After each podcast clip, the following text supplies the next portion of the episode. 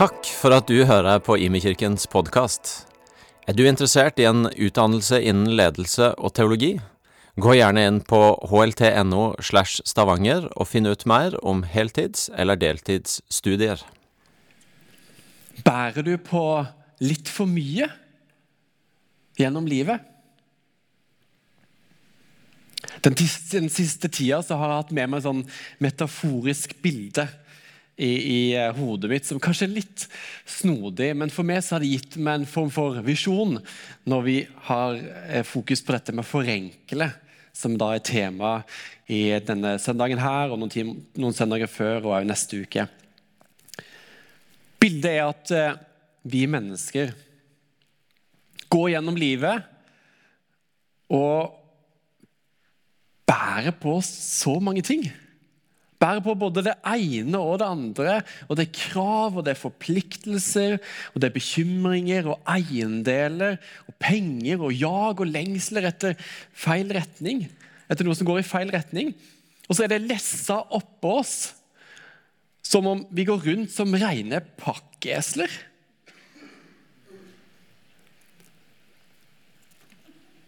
Og så kjenner vi at det er ganske tyngende.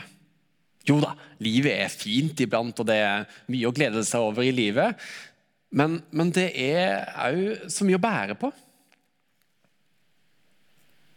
Også i dette her eh, bildet i mitt hode som har surra, så er det som om Jesus kommer opp ved siden av oss. Og han er litt sånn lett og ledig og bekymringsløs, kanskje litt munter. Og så stiller han stadig vekk dette spørsmålet. Vil du jeg skal ta noe av bagasjen din?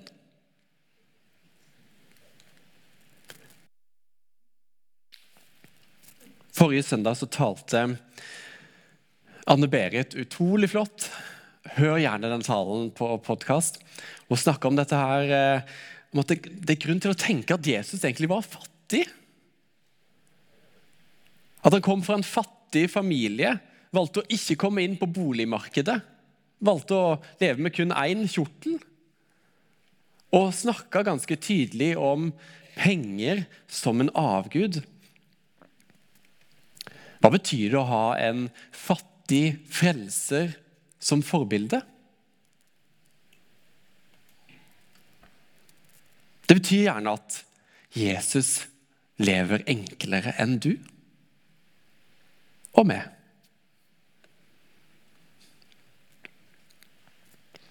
Når vi nå har satt av noen uker for å snakke om det å forenkle livene våre, så er det fordi vi ønsker å ha Jesus som forbilde. Vi tror fortsatt at denne mannen som levde for 2000 år siden,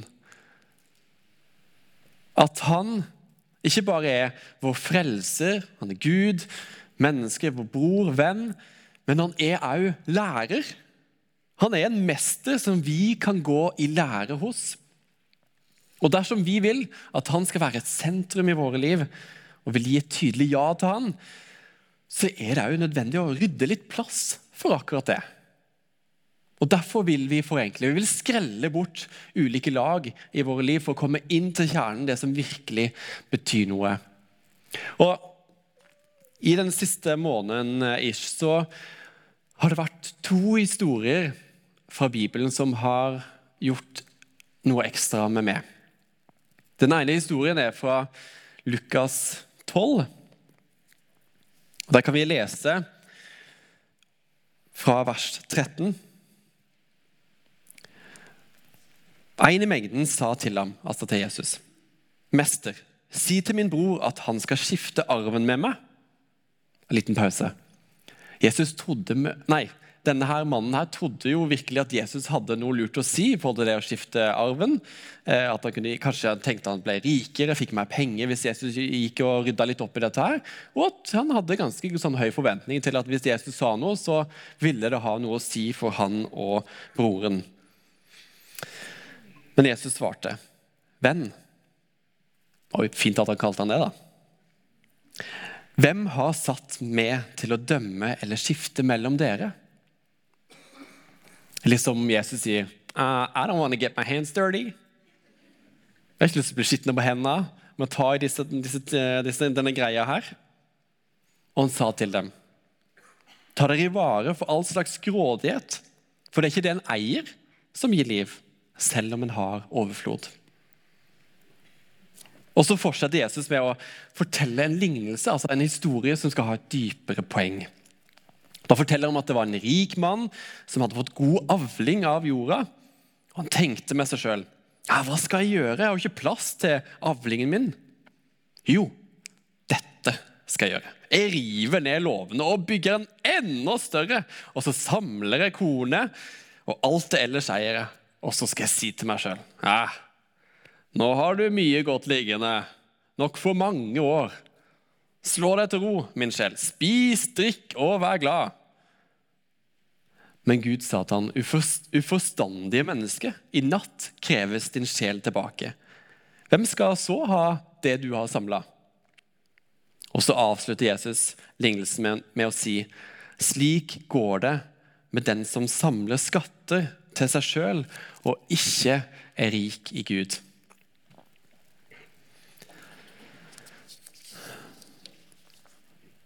Og sånn som vi leste litt tidligere her, sto det den som ikke, det er ikke det en eier som gir liv. Det er utrolig lett å tro på den løgnen der. Og Jeg tror ikke vi er helt i stand til å se oss sjøl utenfra. Jeg tror det er ganske vanskelig for oss å forstå hvor materialistisk den kulturen vi er en del av, faktisk er. Det er litt som om, Vi klarer ikke helt å se denne gulroten som er festa på en stang og henger dingle foran nesa vår og får oss til å gå i den ene retningen etter den andre, etter stadig noe bedre, noe finere, noe nytt, noe mer. The propaganda of more, som det er blitt sagt på gudstjenestene de forrige ukene. Propagandaen om hele tida ha mer, måtte ha mer. Og plutselig så havner vi langt nede i et eller annet kaninhull som er ganske vanskelig å skjønne hva gjør med oss, og eventuelt hvordan vi kommer oss ut av. For hele samfunnsmodellen vår er jo bygd opp på dette her, som har med vekst å gjøre. Vi, skal hele tida ha mer. Kjøpe mer, få mer osv. Og, og jeg tror eh, både sterke markedskrefter, men òg lysten i oss sjøl etter den, det andre folk eier, eller andre folks eiendommer. For det, altså når, når Gud gir noen leveregler, også kjent som de ti bud, til folket sitt for at de skal finne en god måte å leve på og få ting til å fungere på, så er faktisk dette noe av det sentrale i de ti bud. Å ikke begjære eller ha lyst på de nestes eiendom eller eiendeler. Så det var ganske viktig, dette her. Så både sterke markedskrefter, men vi, la oss være ærlige, lysten i, i vårt indre etter stadig noe mer. Det overtaler oss til å tro løgnen om at vi må ha det, bare må ha det det er noe mer, det er noe bedre, det er noe finere som er det riktige og viktige. Den andre historien som har vært med i litt sånn i, surra litt i, i, hodet mitt den siste tida, er en annen lignelse, altså en historie med et dypere poeng i Bibelen som Jesus forteller. Um, og det er en lignelse om en såmann. Altså en mann som går rundt og strør såkorn rundt forbi. Og såkornet det skal symbolisere Guds ord, altså Guds sannheter. Og det lander forskjellige steder. Og disse sted, ulike stedene det representerer oss mennesker. For vi er på ulike steder, og når vi hører troa, så lander det òg forskjellig hos oss. Og noe lander på veien, og det blir til ingenting. Det er, betyr, eller symboliserer da folk som hører Guds ord, men de gjør ingenting med dem. Og så er det noe som havner på, blant steingrunn. Og der spirer det fort opp, men det får ikke slå rot, så det visner og dør. Og Det symboliserer mennesker som hører Guds ord, hører Guds sannheter, og tar det imot med glede i begynnelsen, Men så etter en tid så visner det, og så, så har det ingenting å si for dem lenger. Det tredje stedet såkornet havner, er blant toner. Og vi kan lese i Markus 4,20. Nei, sorry. 19, 18 og 19. Andre igjen er de som blir sådd blant tornebusker. De hører ordet, men dette livets bekymringer, rikdommens bedrag og lysten på alle andre ting kommer inn og kveler ordet, så det ikke bærer frukt. At dette med, med Å bære frukt er gjerne litt sånn kristenbegrep, men betyr, brukes flere ganger i Bibelen og handler om at våre liv skal få ha betydning for andre mennesker. At andre skal se og smake av, av det gode Gud gjør i våre liv, og at det skal spre seg videre. Så såkornet får ikke betydning videre for andre, sånn som det er meint til. Og når jeg leste dette her for en måneds tid siden, så satt det en sånn skikkelig sånn støkk i meg. Det var nesten litt sånn ubehagelig. Jeg følte meg litt sånn avslørt. For dette gjelder jo oss. Sier du, Jesus, at bekymringer, rikdommens bedrag og lysten på alle andre ting har en sånn kvelende effekt på livet vårt, sånn at ikke vi ikke kan få bære den frukten som livet vårt er skapt til å bære? At ikke livet vårt får ha den betydningen de er meint til å ha? Og at denne rikdommen og lysten på alle andre ting er et bedrag. Oh, litt sånn sterkt ord. Blir vi bedratt? Det er litt sånn kvast, men, men det er jo også noe presis med det. For vi blir jo ikke mer fornøyde, mer tilfredse eller mer heile som mennesker av å få mer og bedre materielle goder. Så hva er da alternativet? Jo, det siste stedet så såkornet havner, det er i den gode jorda. Og Det leser vi om i verset etterpå. Men de som blir sådd, altså de såkornene som blir sådd i den gode jorda, er de som hører ordet, tar imot det og bærer frukt. 30, 60, ja 100 ganger det som ble sådd. Altså, Betyr dette at Gud ikke vil at vi skal ha det godt, egentlig? Jeg opplever en viss sånn omsorg i versene fra 1. Timoteus brev 6, 17. Kan vi lese Forman dem som er rike i denne verden. Altså, let's be honest, det er oss alle. Sammenlignet med hele verden, så er vi de rike. Forman dem som er rike i denne verden, at de ikke må være overmodige og ikke sette sitt håp til den usikre rikdommen, men til Gud.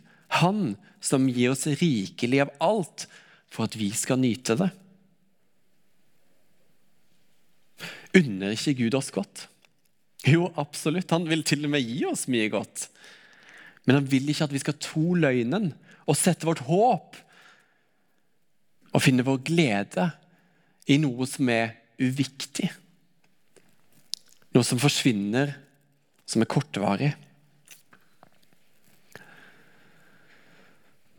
Så hva gjør vi med alt dette her? Hva da etterpå?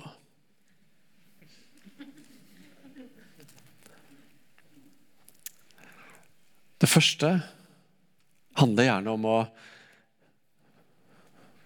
Kanskje litt kvast å si det men innse at du har et problem. Det er litt sånn kjent første steg i når man ønsker å bli fri fra en avhengighet. Kanskje ikke noen kjenner seg helt igjen i dette. her, det er helt greit, Bli med likevel på tangen. for så, La oss ikke være så naive at vi ikke tror at tingene våre, pengene våre, rikdommen vår ikke gjør noe med oss. Richard Foster ble sitert i den første talen om eh, forenkle. Han sier at 'simplicity is an inward reality that results in an outward lifestyle. Both are necessary'. Et forenkla indre liv hvor vi verdsetter det som er viktig og riktig og varer evig, henger også sammen med vår livsførsel, vårt ytre, tingene vi har og omgir oss med, og begge er nødvendige. Så når vi ønsker å skrelle bort det uviktige i livet våre, så handler det om å velge å forenkle. Og det, jo, det er ganske sånn bredt begrep. Forenkle kan jo se, se, ut som på mange forskjellige måter. Kanskje snakke mindre. Forenkle språket vårt. Lytte mer, osv. Jeg hadde en, eh, en, eh, kjempespennende samtale i den siste podkastepisoden i Re Jesus-podden med Peter Tellefsdal, som har en kjempefin vandring med Gud. Eh, og så snakker han òg ganske tydelig om dette her med at vi, eh, hvordan vi kan gjøre kommunikasjonen rundt Jesus mye enklere.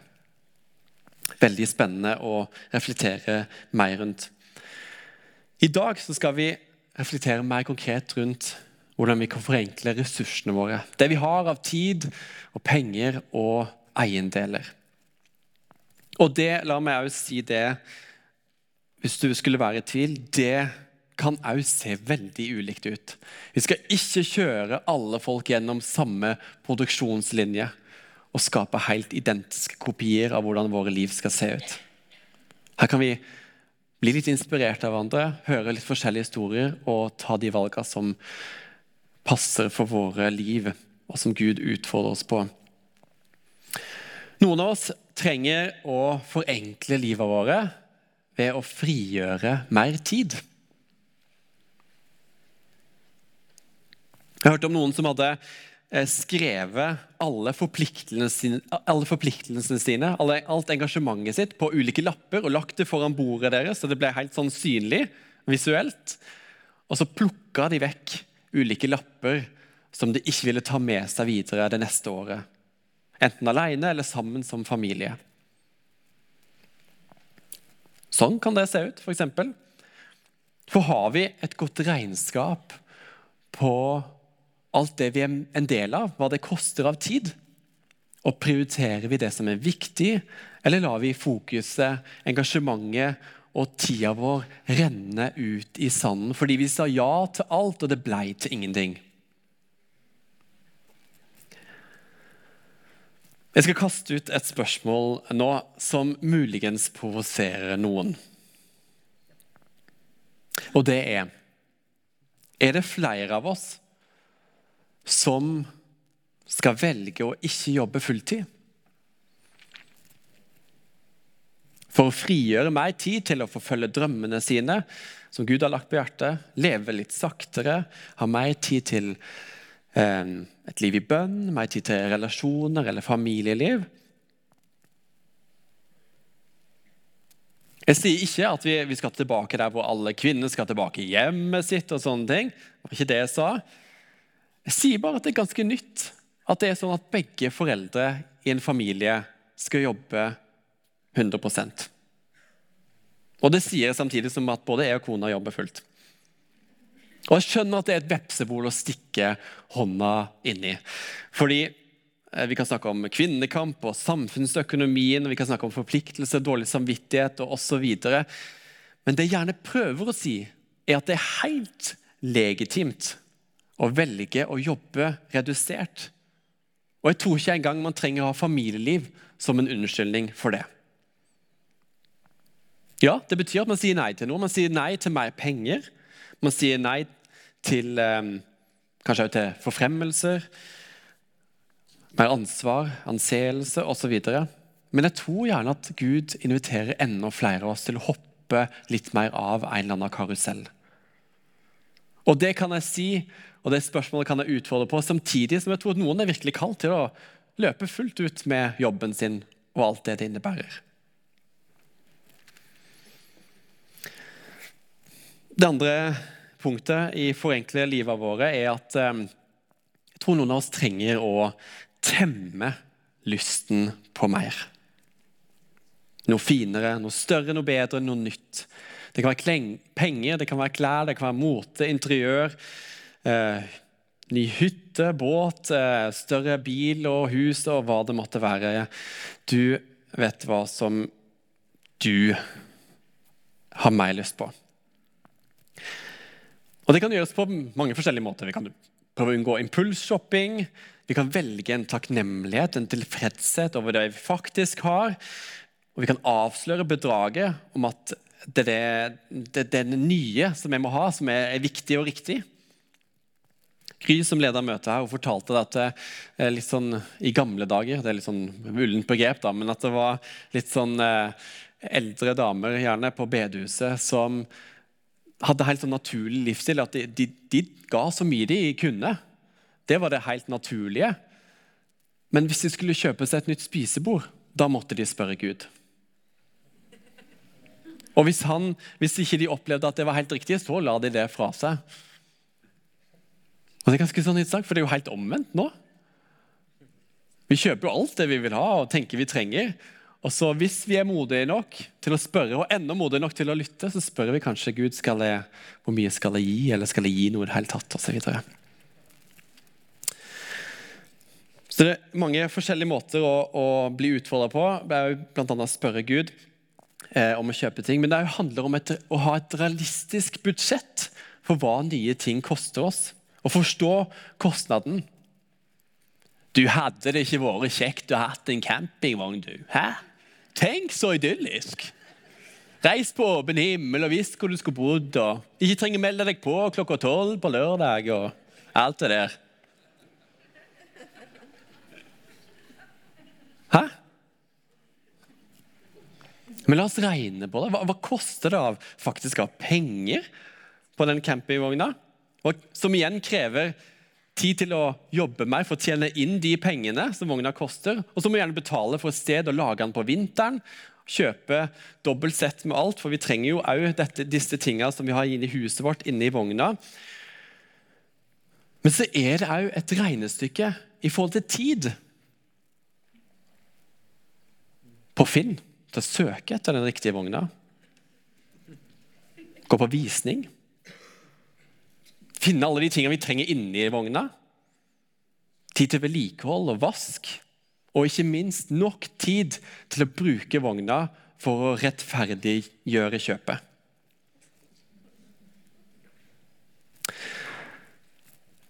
Så la oss regne på kostnadene òg mer enn bare penger. Men så er det en annen del av budsjettet som vi heller ikke må glemme. Og jeg husker at eh, min storesøster kom hjem fra eh, skolen og hadde le i leselekse å lese et dikt. Og dette diktet har blitt eh, sitert til det kjedsommelige i familien min i oppveksten. Og Siste verset fra dette diktet eh, av Sissel Mørk det går sånn. Å kjøpe kjøpe er blitt en sykdom, og den er farlig fordi vi tror at det bestandig er nok å ta av og evig rikdom på moder jord. Har vi regna på hva et nytt kjøp koster naturen eller skaperverket? Og her, Når jeg nevner, begynner å snakke om dette, så vet jeg at det er lett å havne i forskjellige grøfter. Det er en politiserte debatter, det er symbolsaker. Og det er ganske vanskelig å navigere helt i hva er det som er de rette, rette valgene når det gjelder miljø. Men alvoret er uansett at vi lever på en klode som holder på å brukes opp fordi den ikke tåler forbruket vårt. Og så finnes det sånne dommedagskristne som litt sånn med skuldertrekk sier ja, ja, den jorda skal jo gå under uansett. Og det kan jo liksom Med første øyekast det kan det jo høres litt sånn, nesten sånn bibelsk ut. Eller bekymringsløst ut. Men la oss gå tilbake til starten. da. Gud har betrodd oss mennesker et ærefullt forvalteroppdrag. Han har troa på at vi kan fylle jorda og råde over den. Og så er det sånn at eh, Kvartalsrapportene de siste 100 åra viser oss at vi har blitt stadig vekk dårligere forvaltere av denne kloden. Vi tenker kortsiktig når vi bruker opp ressursene, og det får konsekvenser langsiktig når vi ødelegger naturen. Og For å fortsette å bruke et begrep i forvalteryrket aksjekursen til jordkloden stuper. Ja, var det voldsomt, Geir? Jo, men hør på det der, da. Gud han er skaperen av himmel og jord. Eller kunstneren, om du vil. Å, oh, wow! For et kunstverk. Jeg skjønner godt at Gud stadig vekk stoppa opp underveis og sa wow, dette var godt, dette ble bra. Dette var overmåte godt. Altså, Vi gjør jo det sjøl òg når vi kommer på det. Ser på skaperverket og beundrer det. Hvordan vi behandler et kunstverk, viser òg hvor høyt vi verdsetter kunstneren. Man bygger ikke et to milliarder pluss dyrt bygg for å utstille kunstsamlingen til min treårige sønn. Men man gjør det for å verdsette malerier av Edvard Munch. Vårt forhold til skaperverket er et dypt åndelig anliggende, hvor ingen av oss har lyst til å gjøre hærverk på Guds kunstverk. Og vet du hva? Verden må gjerne gå under i morgen, men det er ingen unnskyldning til å forvalte kunstverket eller skaperverket godt i dag. Nei, unnskyldning til ikke å forvalte det godt i dag. Ja, dere skjønte det, bla, bla, bla. Det er fortsatt art made by God. Det er fortsatt kunst som er laga og skapt av Gud. Jeg vet at ikke vi har snakka så mye om dette her før i kirka, og kanskje vi skal gjøre det mer framover. Men uansett så kan man gjerne stille, begynne å stille spørsmål hvordan ser dette her ut. Det ser igjen ulikt ut, men det er i hvert fall nært knytta opp til forbruket vårt og rikdommen vår. Mindre forbruk er alltid en bedre forvaltning av kunsten Gud har skapt. Så la oss peke på en annen vei, peke i en annen retning, og òg regne ut disse kostnadene når vi ønsker å gjøre et nytt kjøp. Ok, Så hva gjør vi da med alt det vi faktisk har allerede? Jo, vi gir og deler. Raushet, det er vaksinen mot usunn materialisme. Og Noen av oss trenger å forenkle livet våre ved å kvitte seg med mer av det vi faktisk har. Sånn at den indre verdien av det som vi tenker er viktig, òg gjenspeiler vårt ytre liv og livsførsel og tinga vi omgir oss med. En, kollega av meg spurte, eller, eh, sa at hun spurte eh, dattera si, gjerne ofte eller av og til, skal vi kvitte oss med denne leken, eller vil du fortsette å rydde på den? Noen vil kanskje si det er grenser til manipulasjon, men poenget er vi sier at ting tar tid.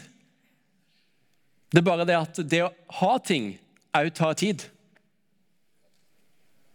Det krever oppbevaringsplass, det krever rydding og leiting og energi på valg vi stadig må ta og forholde oss til. Vi har hørt med flere flotte aktører i byen vår om eh, er det noe de har lyst til å ta imot og gi videre til folk de er i kontakt med, hvis vi forenkler livet vårt på, noen områder. Eh, og Vi skal få opp en plakat her. Eh, for søndag om to uker, den eh, hva blir det, 18. februar, så eh, kan dere komme til gudstjenestene med klær til voksne, hele, fine, rene, klær til barn og babyutstyr. Eh, som vi tar imot her. Og så skal Blå Kors, eh, Evangeliesenteret, Open Hands for You og barnehagen vår, åpne barnehagen vår eh, få ta imot det og gi det videre til folk som trenger det og har behov for det. Kjempegod mulighet og unnskyldning til å forenkle. Og så hadde jeg litt lyst til å, eh, til å gjøre eh, noe med dere.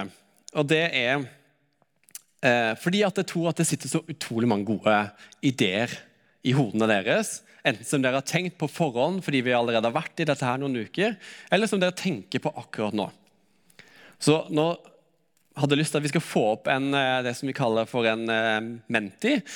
Um, og vi skal bruke litt tid. Jeg kan nå uh, You are now allowed to bring up your phones.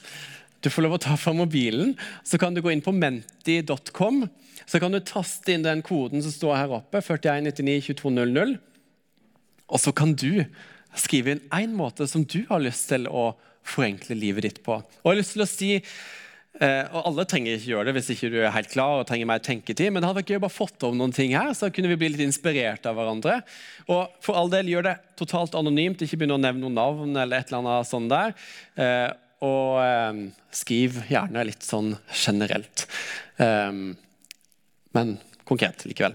Ok, um, så de som vil, kan skrive det inn uh, i, i, på denne oversikten her, så får vi det opp. Selge ting jeg ikke bruker. Legge, ikke legge liv i unødvendige ting. Frigjøre tid. Rydde, kjøpe mindre ting. Rydde klesskapet. Færre kjøkkenmaskiner. Mm -hmm. Gi vekk klær. Rydde. Gi bort alt jeg eier. Hvem er det? Nei, det Fjerne alt jeg ikke har brukt på tre år. Kvitte meg med ting. Gi bort ting jeg ikke bruker. Ha mindre ting. Jobbe mindre. Tjene meg. Hvem? Nei, det var det. Oppskrift på det. ok. Kjøpe mindre ting, mindre skjermtid, redusere skjermtid, rydde, kvitte meg med alle klær som ikke passer, redusere skincare-rutiner. Ikke impulskjøp, mindre dingser, gi vekk ting, planlegge kjøp, ikke impulskjøp, snakke mer om det jeg er takknemlig for, mindre tid på finn.no, garasjesalg, ikke søke etter ting på Finn. Gøy å se! Skal gi det et par sekunder til, kanskje det kommer noen til. Her var det mye å plukke og eh, mikse fra her. Eh, arbeidet for at vår menighet skal forankre sitt arbeid i FNs bærekraftsmål. Yes, bring it. Eh, mer stilletid, pakke lettere, unngå mobilbruk mens jeg spiser. Kjede meg mer. Mindre sosiale medier, sove mindre, ikke ha bil. Dele på ting i stedet for å eie sjøl. Finne ut hva du prioritere, selge, gi vekk ting jeg ikke trenger. Og så videre. Slutte å bekymre over livet. Lytte mer, ikke ta for mye taletid. Be før jeg forplikter meg. Ikke kjøpe ny kaffekveld ennå. Flytte til Hawaii, OK. Gi meg reise til Taizé. Og det er så mange gode der klarer seg lese fortere enn jeg klarer å lese det høyt. Sabbat, tenke på færre ting, mindre folk. OK, delete online shopping-apps. Sende Den siste avslutter vi med. Sende kona bort litt oftere. Det er nok det som trengs.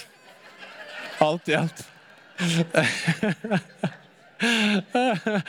det, det var girls. Ok, Takk for at dere var med på det. det. Jeg tror vi skal få en, Det går an å fortsette å legge ting inn hvis ikke du rakk det. så kan vi jeg tror vi må plukke ut noen av de og legge det ut på sosiale medier, som vi ikke skal bruke tid på. Um, OK. jeg, jeg starta med dette bildet om at eh, vi går gjennom livet som mennesker som, som, med, som rene pakkeesler, og Jesus som går ved siden av oss, og så spør han vil du jeg skal ta noe av bagasjen din. Jesus han har et lettere liv for deg. Men det er ikke alltid sånn at veien dit er lett. Det er tidvis tungt å gå motstrøms. Men her ligger òg invitasjonen til at livene våre skal få bære masse frukt, skal få ha betydning. At vi skal få bli rike i Gud, sette håpet vårt på rett sted, ha glede som er dyp og langvarig. Hvem vil ikke det? Jeg har fortsettelsen på dette metaforiske bildet i hodet mitt, hvor vi mennesker går ved siden av Jesus og han spør om dette her. Og det er at når vi kjenner vi har etter hvert fått tillit til denne Jesusen som går ved siden av oss, og tenker at ja, kanskje han kan hjelpe meg litt. Stoler på at han kan bære noe av mitt. Så ser jeg, ser jeg for meg at vi etter hvert gir én og én sekk eller bagasje til Jesus. Og så ser, ser, jeg for meg at Jesus bare kaster den fra seg. Og så lever vi litt av det. Ja, det var kanskje ikke så viktig likevel. Kan vi ikke reise oss opp, hvis du kan? Og så har jeg lyst til å lede i en bønn. Og jeg vil takke deg, gode Far i himmelen, for at du har det som er godt for oss, det som er viktig, det som stikker dypt, det som er varig. Og vi ønsker å søke det som er der oppe hos du, Gud, og ikke det som så fort fyller hodene, tankene, følelsene våre her nede på jorda, som er kortvarig og ikke betydning, eller kveler det livet vårt skal ha betydning. Så kom, Hellige Ånd, og hjelp oss. Vi trenger hjelp av du. Du kjenner oss jo fullt ut, så kan ikke du lede oss på den veien som er best.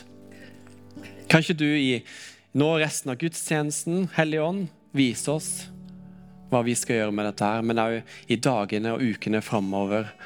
La vi få være et folk som lever enkelt, lever forenkla, og stadig vekk får ta nye valg som gjør at livet blir enklere og lettere. Jesu navn. Amen.